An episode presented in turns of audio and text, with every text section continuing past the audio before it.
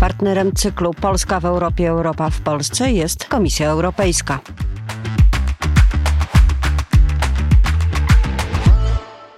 Polska w Europie, Europa w Polsce. To cykl programów, artykułów, podcastów i rozmów wideo, które Rzeczpospolita wspólnie z instytucjami europejskimi proponuje jako odpowiedź na wiele ważnych pytań pojawiających się w sprawie e, członkostwa Polski w Unii Europejskiej i problemów, które e, w Europie, we wspólnocie europejskiej e, obecnie dominują.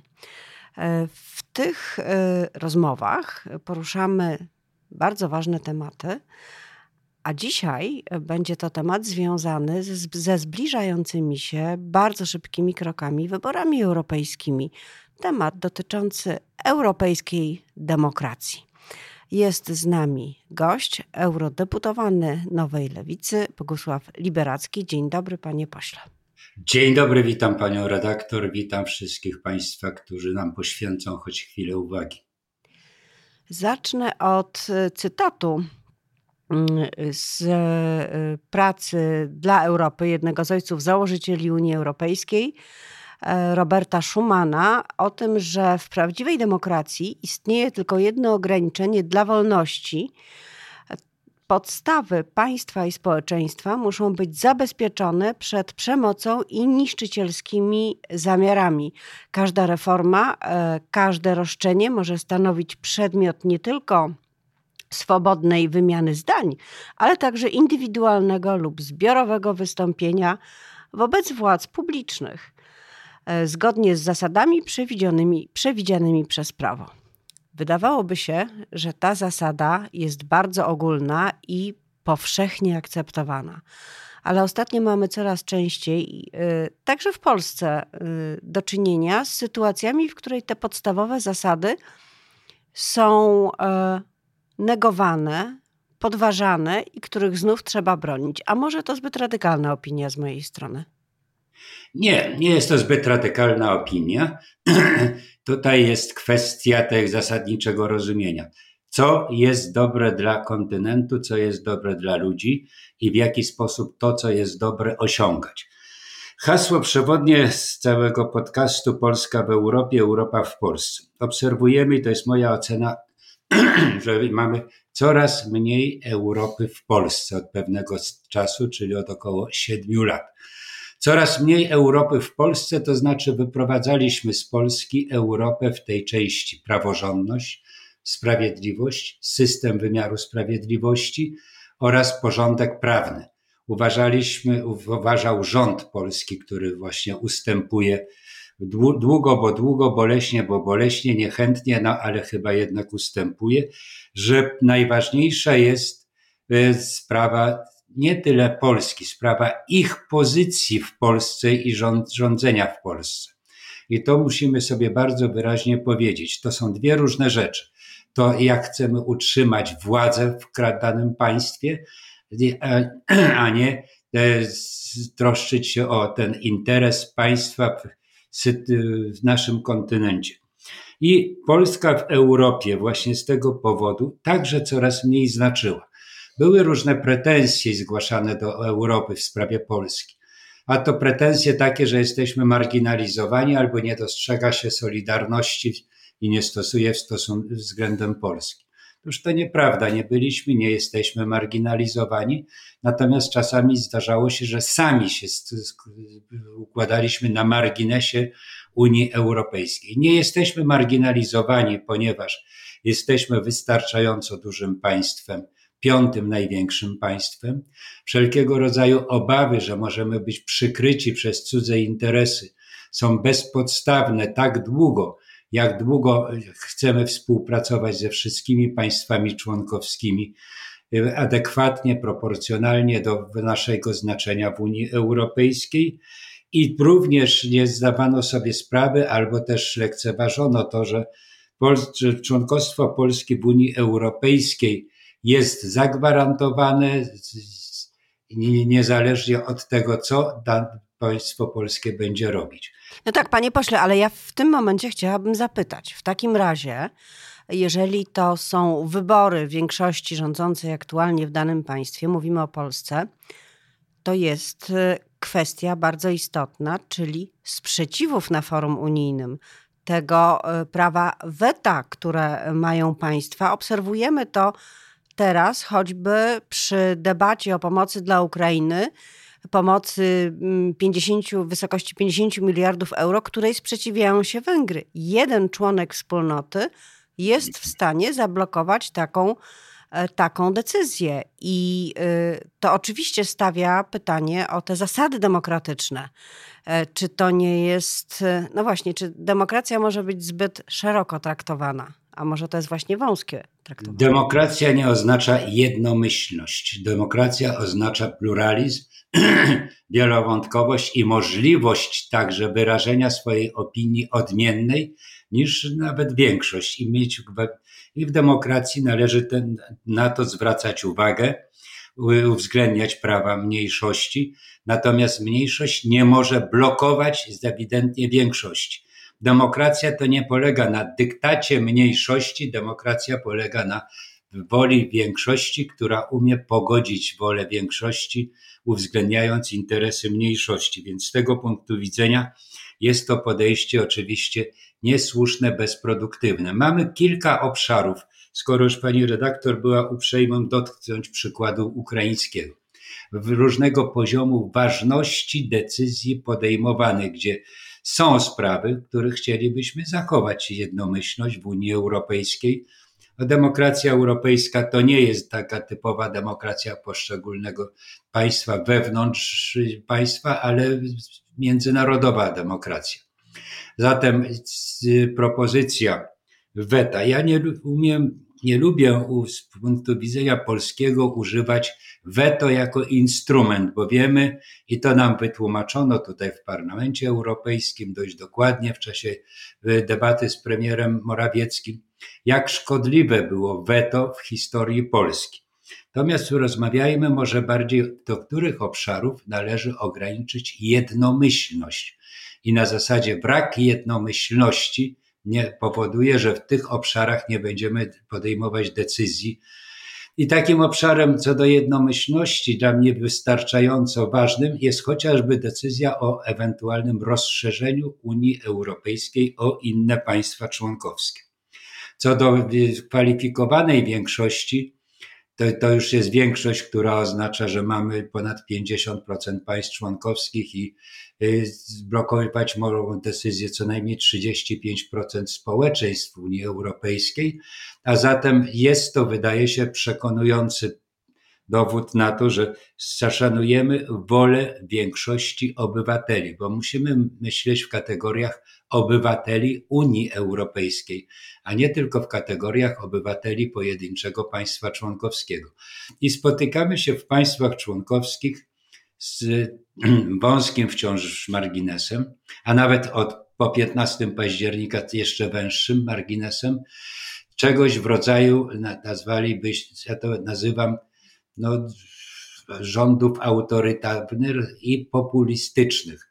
Czyli wmawiamy ludziom, że na przykład powinni czuć się zagrożeni, że grozi im ze strony jak, jakiegoś państwa czy grupy państw, są, że ludzie są zagrożeni w swoich witalnych interesach. Na przykład Polska zagrożona jest przez Niemcy, co powtarza premier Mateusz Morawiecki oraz prezes Prawa i Sprawiedliwości, a to przecież wiadomo, że Niemcy rządzą Unią, więc tak naprawdę z ich słów wynika, że zagraża nam cała Unia.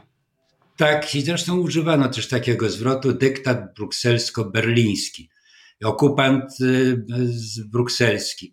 Zatem to są wręcz niedopuszczalne sformułowania, które powodują w umysłach ludzkich również zamęt. Pamiętajmy, że ludzie mają prawo i, i nawet w jakimś stopniu obowiązek oczekiwać, że rządzący prowadzą państwa, państwo w bezpiecznym kierunku. Jeżeli mówimy o okupancie, były też wypowiedzi pojedyncze prominentnych przedstawicieli byłego obozu rządowego, że większe zagrożenie dla Polski upatrują ze strony zachodniej niż ze wschodniej, pomimo że wojna już w Ukrainie się zaczęła. Więc kiedy szermujemy hasłami ograniczenie suwerenności, Pamiętajmy, że my stoimy w sytuacji następującej.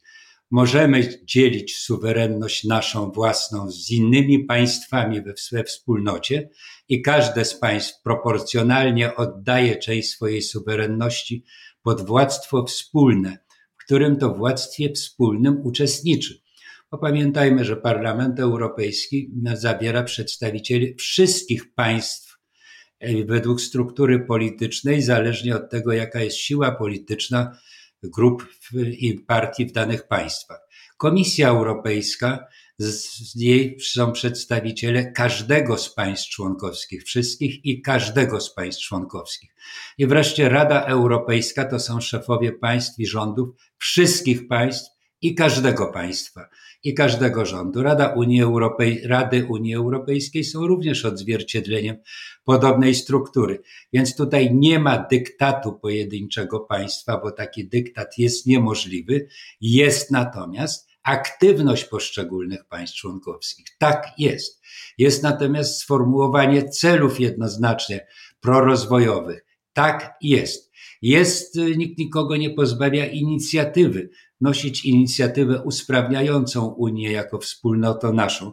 I skoro pani cytowała, pani redaktor, hmm, Morisa Schumana, ograniczenia dla wolności, to jest ograniczeniem dla wolności, jest również z danego państwa jest nieroz, niezrozumienie momentu historycznego, w którym jesteśmy i ewentualnie kierowanie się uprzedzeniami. Proszę popatrzmy, nie ma konfliktu, nie było konfliktu żadnego, na przykład między Polską a Nową Zelandią, zwłaszcza terytorialnego, czy tak jak w tej chwili mamy na granicy polsko-ukraińskiej w sprawie przewozów samochodowych. Natomiast między państwami sąsiednimi są, występowały, występują i mogą się zdarzać konflikty. Sprawą kluczową jest zdolność do rozwiązywania tych spraw spornych, konfliktowych. I ja zawsze wolę, rozwiązywanie spraw konfliktowych, spornych przy stole negocjacyjnym niż w okopach.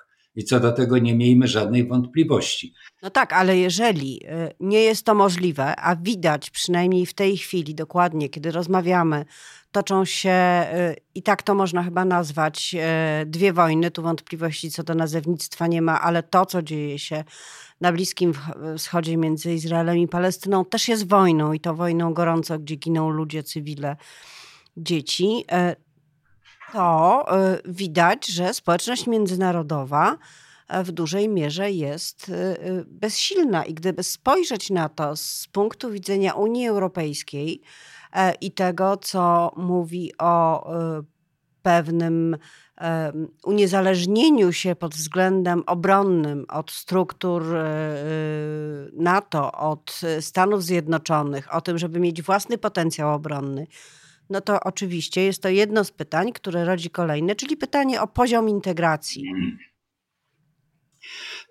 Pani redaktor, są dwie wojny. Szykują nam się kolejne. Dzisiaj czytamy, że jest wielkie nie, wielki niepokój w Japonii ze względu na komunikaty płynące z Korei Północnej. Mamy Azerbejdżan i Armenię, także stan swego rodzaju wojny, a to już jest zupełnie niedaleko. Pamiętajmy, że świat ma charakter globalny, więc w każdej chwili możemy być w coś jeszcze dodatkowego ewentualnie montowani. I nie ma żadnego hasła, które by mówiło, mamy uniezależnić się od NATO. Wręcz odwrotnie. Chcemy, żebyśmy odgrywali większą rolę w wysiłku natowskim, zwłaszcza w tym wysiłku zbrojnym, militarnym. Bo NATO w tej chwili na dobrą sprawę to jest, nie wiem, czy 60 czy 70% potencjał amerykański. Natomiast dużo mniejszym potencjałem nieproporcjonalnie małym w NATO swoim uczestnictwem dysponują państwa Unii Europejskiej. Gospodarka Unii Europejskiej jest porównywalna z gospodarką amerykańską. Ludność Unii Europejskiej jest większa niż ludność Stanów Zjednoczonych. Więc stąd jest to pytanie, dlaczego my mamy oczekiwać że tylko Stany Zjednoczone, czy głównie Stany Zjednoczone mają nas bronić bez naszego ewentualnie wkładu. I też mamy pewne historyczne doświadczenie. Gdyby dalej rządził e, prezydent Donald Trump, jakie byłyby losy wojny w Ukrainie? Spodziewam się, że właśnie prezydentura Trumpa doprowadziła do rozzuchwalenia Rosji, oczekującej, że Stany Zjednoczone i NATO nie zaangażują się w ten sposób pomocy Ukrainie i że nie zmobilizują także Europy. Prezydentura Joe Bidena udowodniła, że Stany Zjednoczone są tym strażnikiem ładu światowego, dość skutecznym, ale pamiętajmy, że ze względu na to, o czym wcześniej mówiłem, czyli Japonia, Korea Północna, ale także Chiny, Tajwan, nie wszędzie sta, siła Stanów Zjednoczonych po prostu wystarczy. I nic za tym dziwnego nie, się nie dzieje, jeżeli chcemy powiedzieć w części Unii Europejskiej, tam gdzie mamy tożsamość państw Unii i państw natowskich, a to jest w dużej mierze pokrywający się zbiór Chcemy także jako Unia Europejska, czy chcielibyśmy jako Unia Europejska, wnieść swój wkład w budowanie potencjału militarnego. I Ale myśl... to, panie pośle, panie przewodniczący, wymaga e, zmiany zasad, czyli wyższy poziom integracji. To przecież nie tylko chodzi o kwestie obronne. E, wymaga chyba innego układu i innego rodzaju traktatów, a jesteśmy właśnie w przeddzień zmian traktatowych. I to jest właśnie to pytanie bardzo kluczowe, na ile wymaga zmian traktatowych, w jakim obszarze, czego, co nie pozwala nam w tej chwili na przykład budowanie tego rodzaju struktury wojskowej. I na to pytanie nie jestem do końca pewnym, czy mamy udzieloną odpowiedź.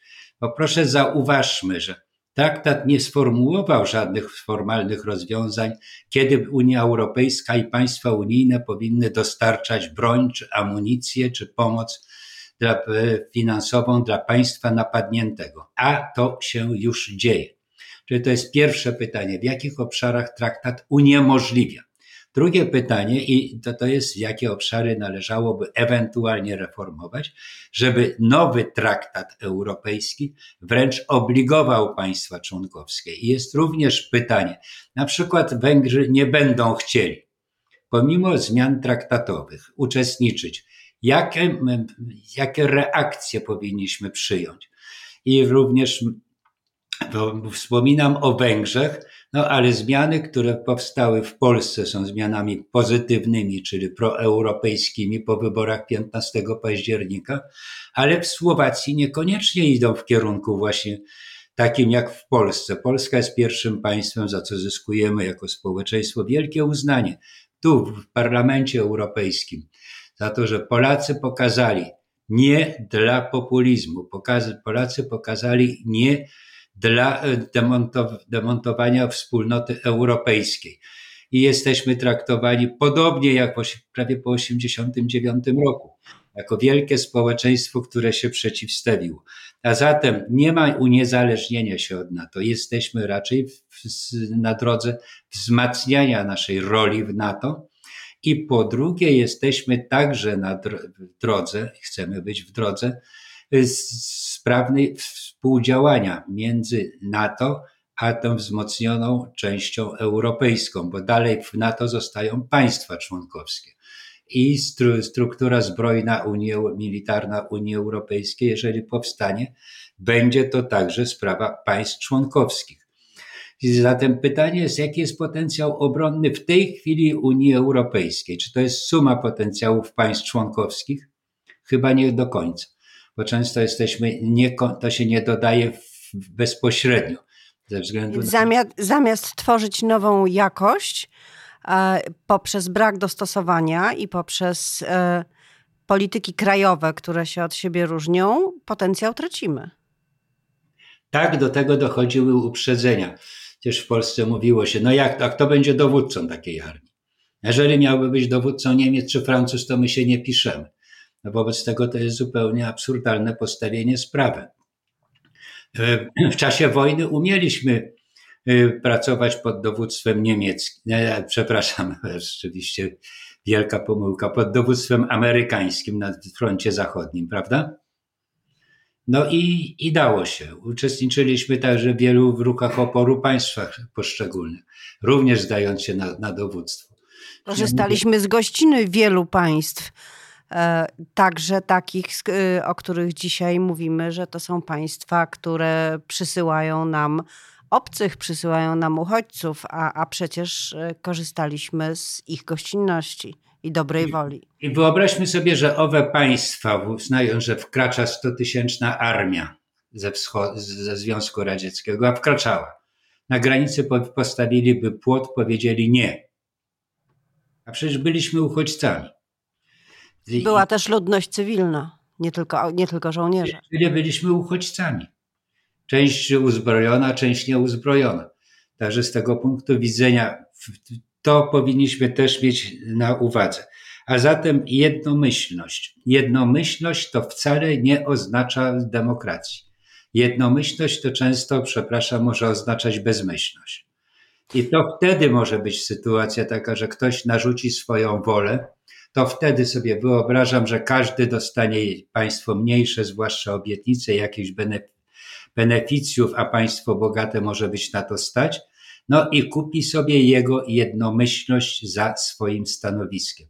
Więc z tego punktu widzenia ja wolę, i to za tym się opowiadam, żeby była możliwość eksponowania swojego argumentu na nie, żeby była możliwość znalezienia się ewentualnie w mniejszości, która w danej sprawie przegrała, niż taka bezmyślna jednomyślność. My przeżywaliśmy w historii, w ustroju minionym czasy, kiedy była jednomyślność. Wynik głosowania był 98%, prawda? Więc to wcale niczego dobrego nie, nie, nie oznaczało. A z drugiej strony również pamiętam bardzo dobrze, kiedy było takie notoryczne stawianie problemów. To była Wielka Brytania. Żądania dodatkowe. I no jednomyślnie ustępowaliśmy, ustępowaliśmy, a i tak zakończyło się to Brexitem. Więc wtedy po raz kolejny zrozumieliśmy, że jeżeli chcemy pójść w kierunku rozwoju, jeżeli chcemy pójść w kierunku sprawnego funkcjonowania, odpowiedzieć na wyzwania globalne, te wyzwania globalne, które przed nami stoją, to odbudowa gospodarki europejskiej w pokoju, czyli pokój musimy zagwarantować, a zagwarantowanie pokoju to oznacza y, pokazanie własnej siły, nie tylko gospodarczej, moralnej, wartości, ale również siły militarnej, że po prostu nie, nie, nie ma sensu rozpoczynać walki z kimś, kto jest y, bardzo dobrze przygotowany do walki. Także tędy droga i uważam, że każde państwo może znaleźć dla siebie miejsce. Z tego punktu widzenia, jeszcze raz podkreślam, dla naszej suwerenności, dla naszego bezpieczeństwa jest potrzebna bardziej silna, zwarta, jednolita Unia Europejska ze sprawnymi procedurami decyzyjnymi. Ale to nie oznacza, że projekt, który został przedłożony, zyska, zyska w tej chwili e, entuzjastyczną aprobatę. Dlatego, że no, chociażby do wczoraj jeszcze były różne poprawki rozważane, nie wiemy dzisiaj, jak one będą zapisane, po południu będą zapisane, jaki będzie wynik głosowania w parlamencie. Ja tego absolutnie nie umiem w jakiś sposób zdecydowany przewidzieć. Prawdopodobnie będzie to jakaś większość za, ty, za tym, żeby ten projekt dalej pracować, nad tym projektem dalej pracować, ale to wcale nie oznacza, że rezultat będzie z, jakoś bardzo zbliżony do tego, co może być produktem jutrzejszego decyzji w Parlamencie Europejskim. Panie pośle, na koniec e, chciałam zapytać o perspektywę ludzką. E, pan użył takiego sformułowania obywatele europejscy. E, I chciałam zapytać o Pana ocenę ze, z perspektywy swojego stażu, zarówno jeśli chodzi o, o, o czas, który spędził Pan w Parlamencie Europejskim, jak i o wysokie funkcje między innymi przewodniczącego Parlamentu Europejskiego, którą pan e, sprawował. Jak pan ocenia perspektywę pojawienia się takiego tworu, którego chyba jeszcze nie ma, które moglibyśmy nazwać społeczeństwem europejskim? A może mamy już zręby tego społeczeństwa europejskiego i co to by mogło być? Czy my zręby tworzymy?